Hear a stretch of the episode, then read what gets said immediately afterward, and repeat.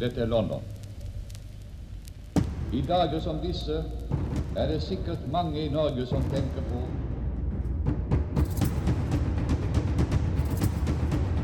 Jeg vet at jeg i denne sendingen når langt utover havet, vestover, der det ennå er kveld. Ditt navn kommer til å smuldre opp og være glemt når liket ditt går i oppløsning og forsvinner i jorda, mens navnet Adolf Hitler fortsatt kommer til å lyse og stråle. Ei slik lovprisning av Adolf Hitler i tyske aviser var ikke dagligkost i 1957. At det overhodet kom på trykk, skyldes nok utelukkende at brevet var sendt fra Berthesgaden og undertegna Adolf Hitlers egen søster, Paula Hitler, eller skal vi heller si den tyske førerens aller største hemmelighet, Asbjørn? Ja, i hvert fall den nest største hemmeligheten hans. Eva Braun, kjæresten hans, var nok en enda større hemmelighet enn lillesøster Paula, men han skrøt heller ikke av henne. Hun var ikke kjent i offentligheten i det hele tatt. Eh, Paula kom til verden syv år etter Adolf, og eh, på det tidspunktet så var det en eh, lillebror Adolf i familien også, Edmund Hitler ble bare seks år gammel, så han døde i 1900. Da var eh, Paula fire år gammel, så hun husket han sikkert ikke. Hun husket eh, senere i livet i det hele tatt veldig lite av oppveksten med Adolf, utover at eh, hun fortsatt i velvoksen alder var dypt frustrert over sin egen mor Klara, som alltid foretrakk Adolf. og hun måtte være tjenestepike og løpe rundt og gjøre som Adolf ville. Det var aldri snakk om å ta hensyn til henne, eller at noen hadde et smil til overs for Paula. Hun var bare en uh, attpåklatt, uh, og noe som gikk i veien, åpenbart, i hvert fall i sine egne øyne sett uh, i ettertid. Da hun var syv-åtte år gammel, så ble moren alvorlig syk av kreft. Faren hadde dødd allerede fire år tidligere.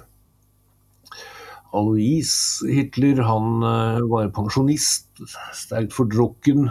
Gikk på kneipe hver dag, kom full hjem og banket opp familien. Det var hans stil. Eh, du sier banke opp familien. Snakker vi da om både Paula, Adolf og, eh, ja. og mor? Vi eh, vet at en gang imellom så prøvde Klara å gå imellom, og da var det hun som fikk pryl i stedet for. Om han slo Paula, det vet jeg ikke, men eh, Adolf var eh, provoserende i hans øyne, så han fikk seg en drakt pryl nesten hver dag hevdet han i hvert fall selv eh, når han snakket om oppveksten sin. Han hadde et eh, mildt sagt vanskelig forhold til faren. Det var vel nærmest hat. Det var i hvert fall i ettertid det reneste hat og ingen varme følelser. Eh, han skriver om ham i Mein Kampf at han hadde respekt for sin far, men han hadde kjærlighet for sin mor. Det var sånn han beskrev sitt eget følelsesliv når det gjaldt opphavet. Så Adolf Hitler i Mein Kampf eh, var altså ganske åpenhjertig om eh, sin i hermetegn traumatiske barndom? Nei, han var ikke det i det hele tatt. Han løy så det, han løy så det sprutet. Eh, Paula fortalte senere eh, at eh, da hun leste Mein Kampf første gang i 1925, rett etter at den var kommet ut, så trodde hun ikke sine egne øyne, fordi at eh, Adolf fikk det til å se ut som han hadde vært det eneste barnet i familien. Så han fortalte historier fra oppveksten sin der. De fleste er nok antagelig ikke sanne engang, men det var alltid han som var hærfører når de lekte krig, alle barna. Og det har jeg også sett Klara uh, fortelle en gang, at han likte best å leke cowboy og røvere. Og han skulle alltid være sjef for de andre barna. Det var veldig viktig for ham. I 1907 så ble moren syk. Da hadde de tre flyttet inn til Linz uh, fra Leonding utenfor Linz, hvor de bodde mens faren fortsatt var i live. Det var også der han ble begravet. Nå fikk de seg en leilighet, og så slo de seg til inne i byen. Men i 1907 så ble moren dårlig og stadig sykere. En uh, operasjon kunne ikke stoppe brystkreften. Og den 21. desember så døde hun etter uh, noen forferdelig smertefulle uker. Adolf uh, var på det tidspunktet 18 år gammel og var helt knust. Uh, Paula forteller at uh, det var ingen som uh, tok seg noe særlig av henne etter at moren var død. Det eneste Adolf tenkte på, det var å få organisert begravelsen. Og etter at den var ordnet, så la han seg selene til å få avsluttet arveoppgjøret så hurtig som mulig.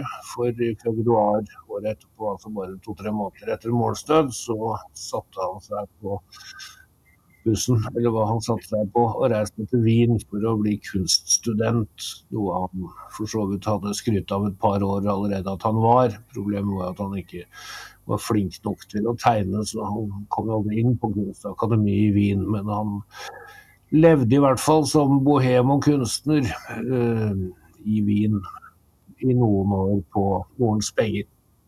Eller på arven etter moren. Mens uh, Paula ble etterlatt. Hun ble etter hvert uh, tatt hånd om av sin halvsøster Angela, som hadde giftet seg. Hun fikk tre unger på rappen. Men likevel så tok hun seg også av sin lillesøster. Og Paula viste seg å være flink på skolen, så hun gjorde det bra der. Fikk artium på en jenteskole for katolikker. Unnskyld, en katolsk jenteskole.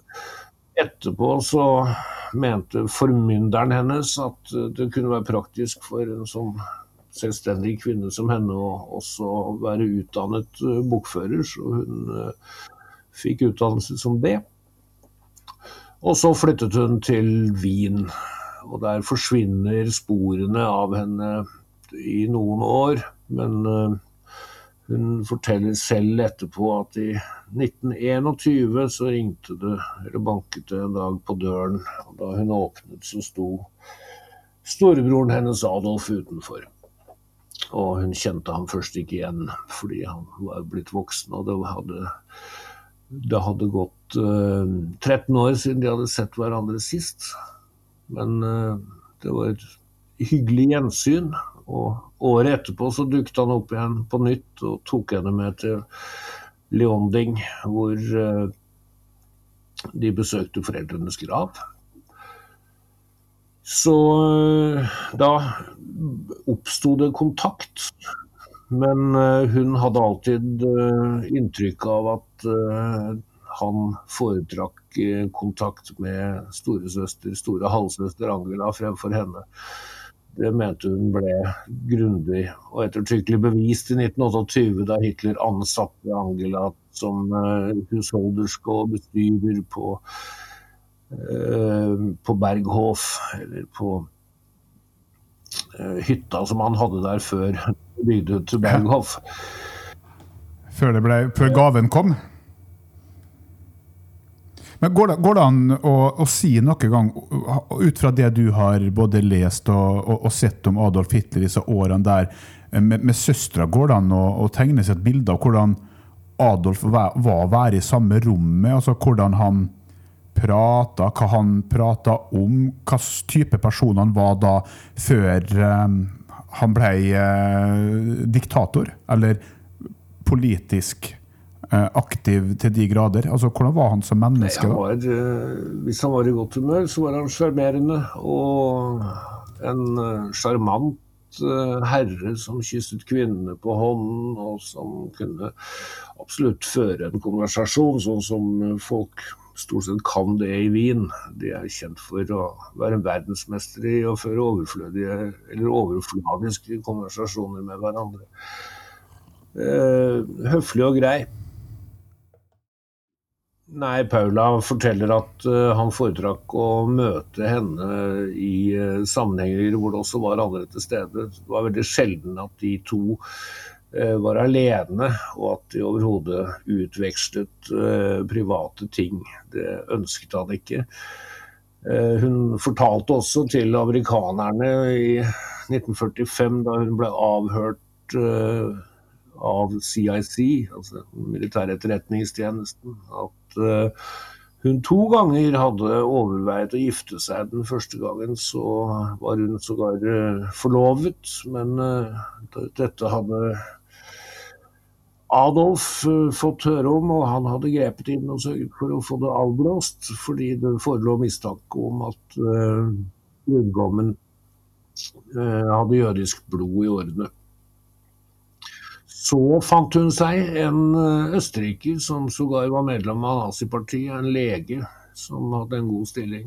Og han eh, skulle senere få en eh, sentral posisjon i den østerrikske delen av nazistenes utrydding av psykisk utviklingshemmede. Han ble personlig kreditert for 4000 drap. Da Hitler fikk høre om det, så satte han tommelfingeren eh, ned også, så hun fikk heller ikke lov til å gifte seg med ham. Hun sa til amerikanerne at uh, han hadde latt henne vite at det verste han visste, det var svogere. Det aller verste han visste, det var familie i det hele tatt. Folk som kunne plapre ut i offentligheten om interne og og hemmelige ting som han helst ville holde for seg sjøl. Men svogere, det var også en plage. Så det sørget han da for å spare seg selv for i Paulas tilfelle. Så hun gikk gjennom hele livet ugift. Ja, Det virker som Adolf Hitler eh, hadde mange ting han mislikte gjennom hele livet. Og ja da, han var en mann av sterke sympatier og antipatier, det er det ingen tvil om det ga han jo også uttrykk overfor eh, Paula. Eh, han lot henne forstå veldig klart at eh, hun skulle holde seg i bakgrunnen og holde kjeften. Og ikke profilere seg som hans søster på noen måte. I 1936 så trakk han henne til side, og så ga han henne beskjed om at nå var det slutt for hennes vedkommende med å hete Hitler til etternavn. Han ville at hun skulle skifte og i stedet ta et med Wolf. Wolf var eh, det navnet som han selv brukte når han eh, skulle opptre eh, anonymt i sine tidligere, tidligere, år i politikken. Det var også det kjælenavnet som eh, familien Wagner i Bayreuth brukte på ham i private sammenhenger og sånt. Det var vel det han sjekka inn på hotell? Ja, da, han brukte det i mange sammenhenger. Og så har vi da seinere, som en liten digresjon, Wolfskanse, eh, Wolfskanse, altså ulvehiet. Der har jo vel kanskje mange trodd at eh, det har bare vært for det tøffe navnet ulvehiet, men det kan jo da ha en sammenheng med sitt eget kallenavn Wolf. Det, er helt sikkert fordi alle hans uh, felthovedkvarter som de het, het noe med Wolf. Wolf Slukt og Wolf Sjanse og Wolf med her og der. Så det, det, det er helt åpenlyst at det, det, var i tilknytning til uh, navnet hans. Det samme da holdt han sikkert med fotballklubben Wolfsburg? Nei, Wolfsburg var uh, døpt opp etter ham. Fordi det var der de la Volkswagen-fabrikken. Da han bestemte at de skulle lage en egen fabrikk for å fremstille en bil som skulle være så billig at hele folket kunne kjøpe den, så var det i Wolfsburg. Og det var han med stor sannsynlighet en av de eh, toppnaziene som ble satt til å velge ut uh, location, som uh, så at det navnet det passet så fint at uh, det måtte være der. Det er i hvert fall et godt rykte. Men vi skal holde oss litt til søster Paula, vi har eh, kommet litt ut i, eh, ut i, livet til Adolf. Nå sitter vi på en podkast. Går det an å beskrive hvordan Paula så ut? Ligna hun på sin bror? Nei, hun lignet ikke på ham i det hele tatt. Jeg har sett et bilde av henne fra 20-tallet hvor hun eh, var sekretær i direksjonen i et stort forsikringsselskap i Wien. Selvstendig, som jeg nevnte i sted, med en godt betalt posisjon også. Som hun hadde hatt i ti år. Da Hitler Nei, da det ble kjent i direksjonen eller i styret at hun var søstera til Hitler, så hadde de hatt en diskusjon som gikk på at enten så må vi jo utnevne henne til direktør, eller så må vi gi henne sparken. Og da fikk hun sparken. Så da sto hun på gata. Men på bildene av henne fra den gangen så ser man en eh, høy, slank, eh, vakker kvinne. Helt utvilsomt uh, attraktiv. Men hun var kjent for at hun ikke brydde seg om å gå i byen med kollegene etter arbeidstid. Da gikk hun heller hjem til sin fireroms leilighet i Wien, som hun hadde råd til.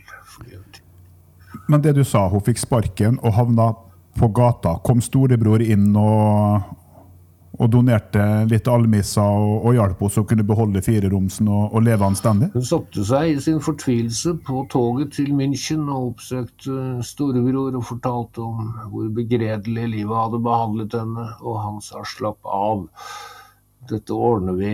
Og så fikk hun en eh, pensjon av ham eh, personlig på først 250 eh, riksmark i måneden, og senere 500 riksmark i måneden etter 38 etter innmarsjen i Østerrike. 250 det var lite, 500 det var ca. to industriarbeids industriarbeiderlønninger. Så det var ikke noe gærent. I 1941, 40-41 og eh, fikk hun dessuten en større sum penger av ham, så hun kunne kjøpe seg et lite hus eh, i et sted som heter Wachau eh, ved Milk. Så da tilbrakte hun de siste seks årene før krigen var slutt, mesteparten av tiden i det huset, som hun delte for øvrig med en fetter. Og hun så Adolf Hitler siste gang i 1941, har hun sagt i avhør. Det er sikkert sant. Han hadde antagelig ikke noe særlig å snakke med henne om i det hele tatt, så hvorfor ikke? Men har hun i ettertid signalisert at hun heller ikke hadde noe ønske om å se han, eller prøvde hun å oppnå kontakt med sin bror som Nei, da var ingen av fører? Denne. Eh, jeg tror hun skjønte at uh, slik var prioriteten hos ham. Han måtte satse på å lede landet i krig, i, i hvert fall i hennes øyne. Det, det, ser ut som de har vært i tottene på hverandre en gang iblant opp gjennom årene også. Han strøk en av lista si uh, over de som fikk julegaver i 1935 av de aller nærmeste, sånn at det var nok en smekk over fingrene. Hun hadde sikkert vært stor i kjeften. Men eh, etter 45 så ble hun hans største forsvarer og beundrer og tilhenger. Så da var det i hvert fall slutt med all kritikk. Og det er jo en spesiell ting, da, når du da ser at hun var holdt hemmelig, ingen kontakt siden 1941, og så går hun ut og, og forsvarer. Vitner det om en slags sånn selvoppholdelsesdrift for, fordi at hun har navnet og slektskapet. Eh, at det på en måte ville vært umulig å tatt avstand, for ingen ville trodd det? Eller eh, har hun skrevet ned noen ord som Nei, forklarer det? Nei, i 45, da det var åpnet, da det gikk mot slutten og Den røde armé sto foran Wien, så eh, ble hun kontaktet av Martin Bormann, som ga beskjed om at det var, eh, kom en SS-bil for å hente henne. Så hun fikk en kort frist på seg til å pakke sammen. Og så kom bilen, og så ble hun kjørt til Over Salzberg, hvor hun ble innlosjert, uh, selvfølgelig som Wolf, på et uh, hotell. Senere så flyttet hun over på uh, et gjestehus, hvor hun fikk et værelse. Et tidligere partigjestehus. Det var ingen som visste hvem hun var. Søsteren hennes, halvsøsteren hennes, Angela, kom også, ble hentet til Ove Salzberg av amerikanerne, men var der bare i noen få uker, og så forsvant hun igjen. De to hadde nok ikke noen veldig nær og, og hjertelig kontakt. Eh, hun eh, fikk etter avhøret og sånt noe beskjed om at hun skulle bli på Ove Salzberg. Hun fikk eh, tildelt et rom på en bondegård. og Der var hun tvunget til å tilbringe de eh, påfølgende fire-fem årene. Noe som hun mente var eh, nærmest tortur, fordi det lå så høyt over havet, over 1000 meter over havet. Og lite penger hadde hun, og dårlig stelt var det på alle måter. Men så fikk hun flytte ned til uh, Berchtesgaden etter hvert, og det ligger på i underkant av 600 meter over havet, så da kunne hun i hvert fall ikke klage over den biten av uh, helseproblemene sine. Da det begynte å gå seg til igjen i Vest-Tyskland, så ble hun også veldig hurtig gjenstand for oppmerksomhet fra gamle nazister, som ja, de kom forbi for å hilse på det fyrers uh, kjøtt og blod, nærmest. Den eneste søstera som han uh, hadde hatt, og hun levde fortsatt. Så hun var en hemmelighet blant dem. Det kom uh, utsendinger fra nazimiljøene i Argentina og Chile. De sendte honningglass til henne og sånt, og selveste oberst Hans Ulrich Rudel kom personlig og, og oppvartet henne. Men hun fikk aldri barn? Nei da, hun fikk uh, aldri barn. Hun uh, fikk jo aldri gifte seg. Så hun uh, levde barnløs og venneløs delvis også, bortsett fra all oppmerksomheten fra folk som hun ikke var i familie med, og som hun hadde blitt kjent med sent i livet, så var hun nok en veldig ensom kvinne i de små leilighetene hun fikk stilt til eh, rådighet i Berchtesgaden. Den siste som hun var veldig fornøyd med, den var på hele 16 kvadratmeter. Og det var eh, gjennomtrekk og kaldt om natta. Og var ikke stor forlange det, med andre ord? Hun hadde nok tatt imot hvis hun hadde blitt behandlet som Adolf Hitlers eh, søster og fått en pensjon pga. det, men det var nok ikke lagt til rette for det. Hun klager fælt.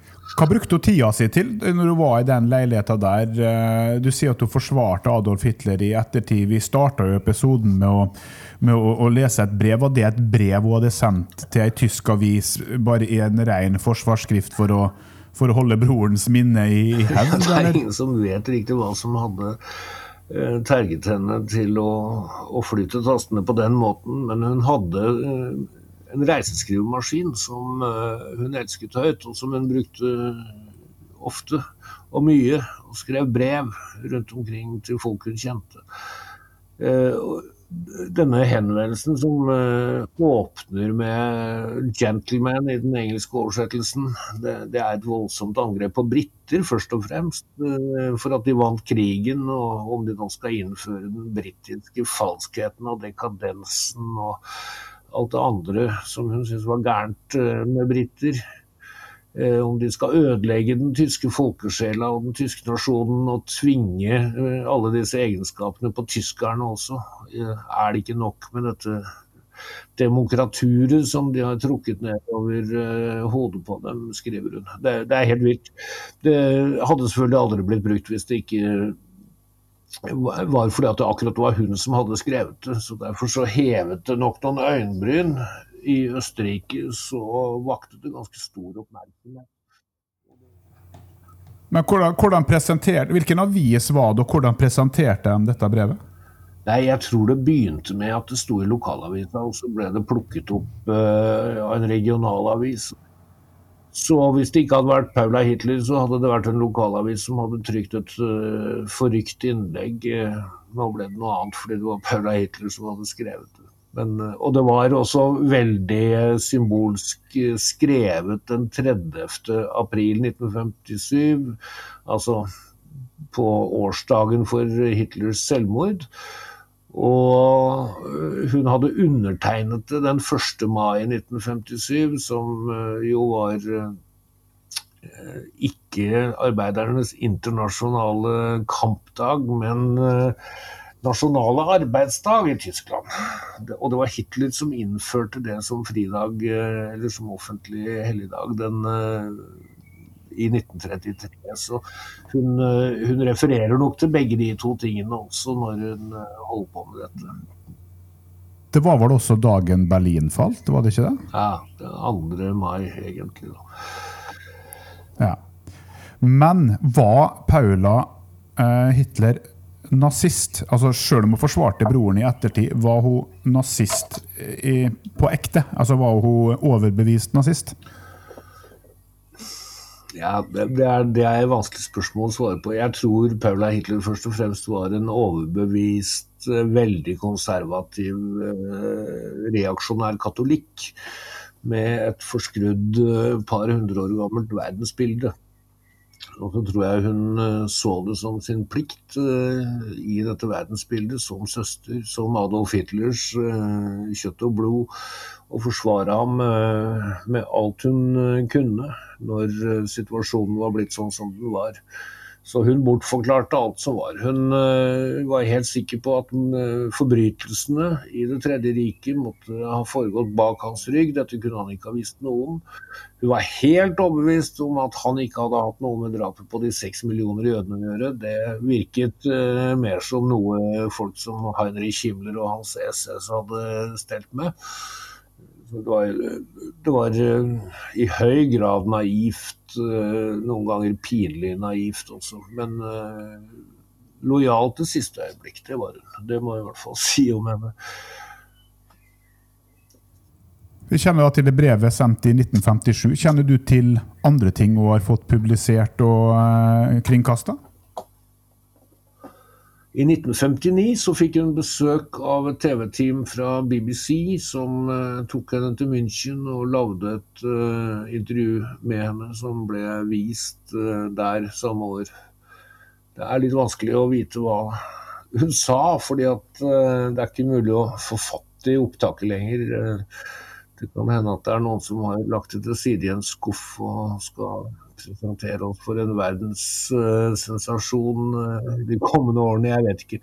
Uh, hun snakker generelt sett veldig pent om Adolf Hitler og hevder at han var ikke bare Østerrikens største sønn, men han var Tysklands største sønn noensinne.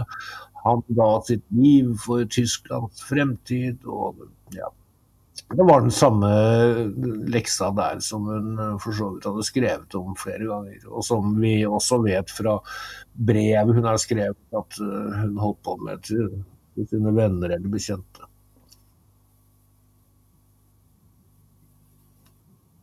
BBC de, de kringkasta det intervjuet. Hvordan ble reaksjonene i Europa da, etter at uh, de gjorde det der? Gikk det bare hus forbi, eller ble det noen samfunnsreaksjoner på det? Nei, det var ingen som reagerte på sånne ting. Det, det var uh, så langt ute at uh, ingen som så noen grunn til å kaste bort egen kredibilitet på å skulle gå i krig med noe sånt. De lot henne være i fred, rett og slett. Men eh, vi ser eh, på de bildene som er gjort i forbindelse med, med BBC-intervjuet, så begynner hun å se veldig gammel ut. Hvor gammel var hun i 1959-60? Hun var 64 år gammel i 1960 da hun døde. Eh, men hun ser ut eh, som på bildene fra den gangen Jeg har sett en del sånne eh, paparazzi-bilder også fra de siste årene hvor hun ble fotografert på gata i Berchtesgaden. Og hun ser minst ti år eldre ut enn det hun i virkeligheten var. Hun var også sterkt plaget med revmatisme og sånt, så hun gikk dårlig. og Det var visst mye som ikke stemte. Ja, jeg kom over en uh, sak her uh, på BBC sine hjemmesider, og de forteller at opptaket der det har uh, ligget godt bevart det, og ble først gravd frem igjen i 2005. Da kom de over de gamle teipene og bestemte seg for at de skulle kringkaste dem på nytt. Så det finnes noen dårlige versjoner på YouTube for dem som vil leite og og, og finne det, det sjøl der. Eller så kan du lese litt om akkurat intervjuet her på, på BBC sine hjemmesider. Ja. Hun, eh, hun var henvist til eh, å få hjelp av eh, sine omgivelser de siste årene, fordi det sto dårlig til både helsemessig og økonomisk. Og da skal jeg fortelle deg et lite eventyr, Erik. Jeg lytter. I 19... eh, I 1927 så hadde Hitler en hemmelig kjæreste på Obel Salzberg. En 16 år gammel jente. Altså halvparten så gammel som ham selv. Og eh, de, de hadde et forhold i noen uker, men det ble avbrutt. Hun ble så deprimert av det at hun forsøkte å begå selvmord, men ble reddet. Senere i livet så eh, hadde hun et eh, forhold til ham i noen år i München, har hun påstått. Hans Mitzi.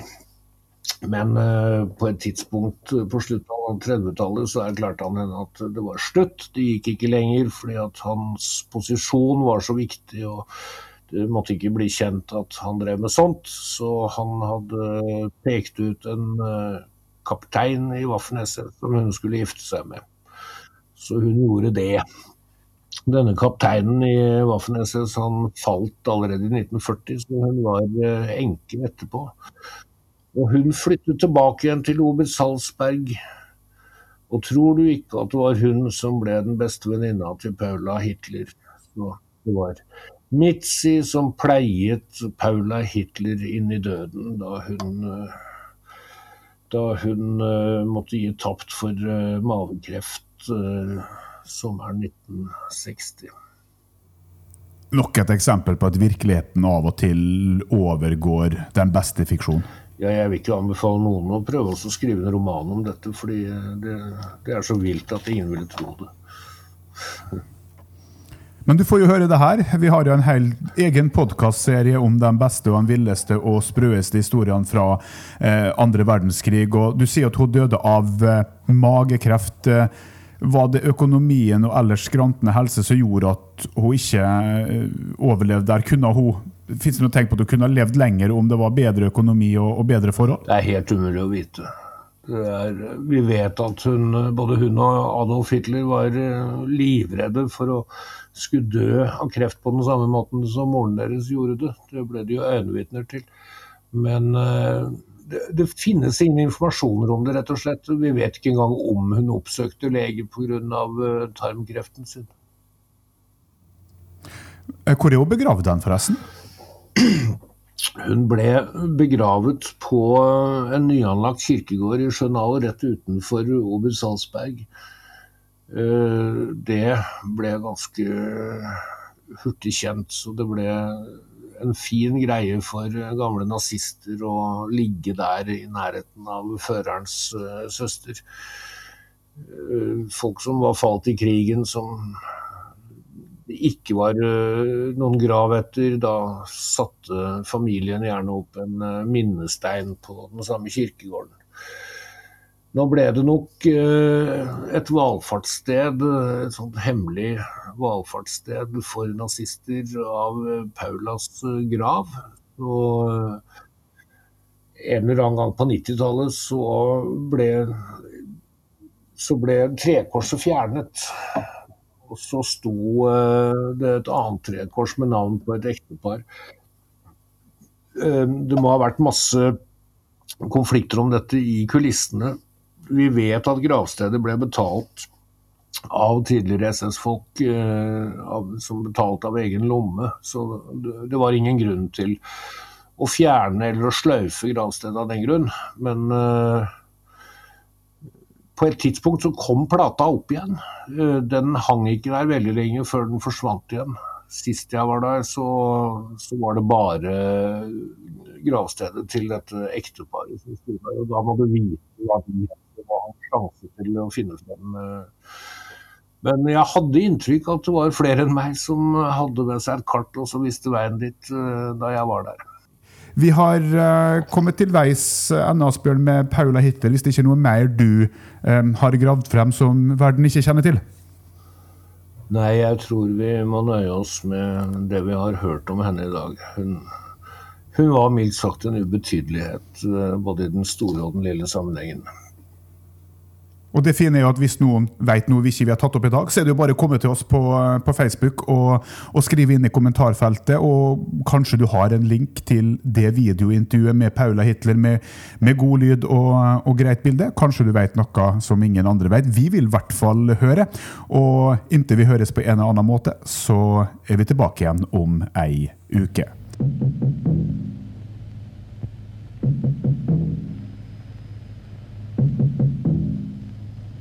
Dette er London. I dager som disse er det sikkert mange i Norge som tenker på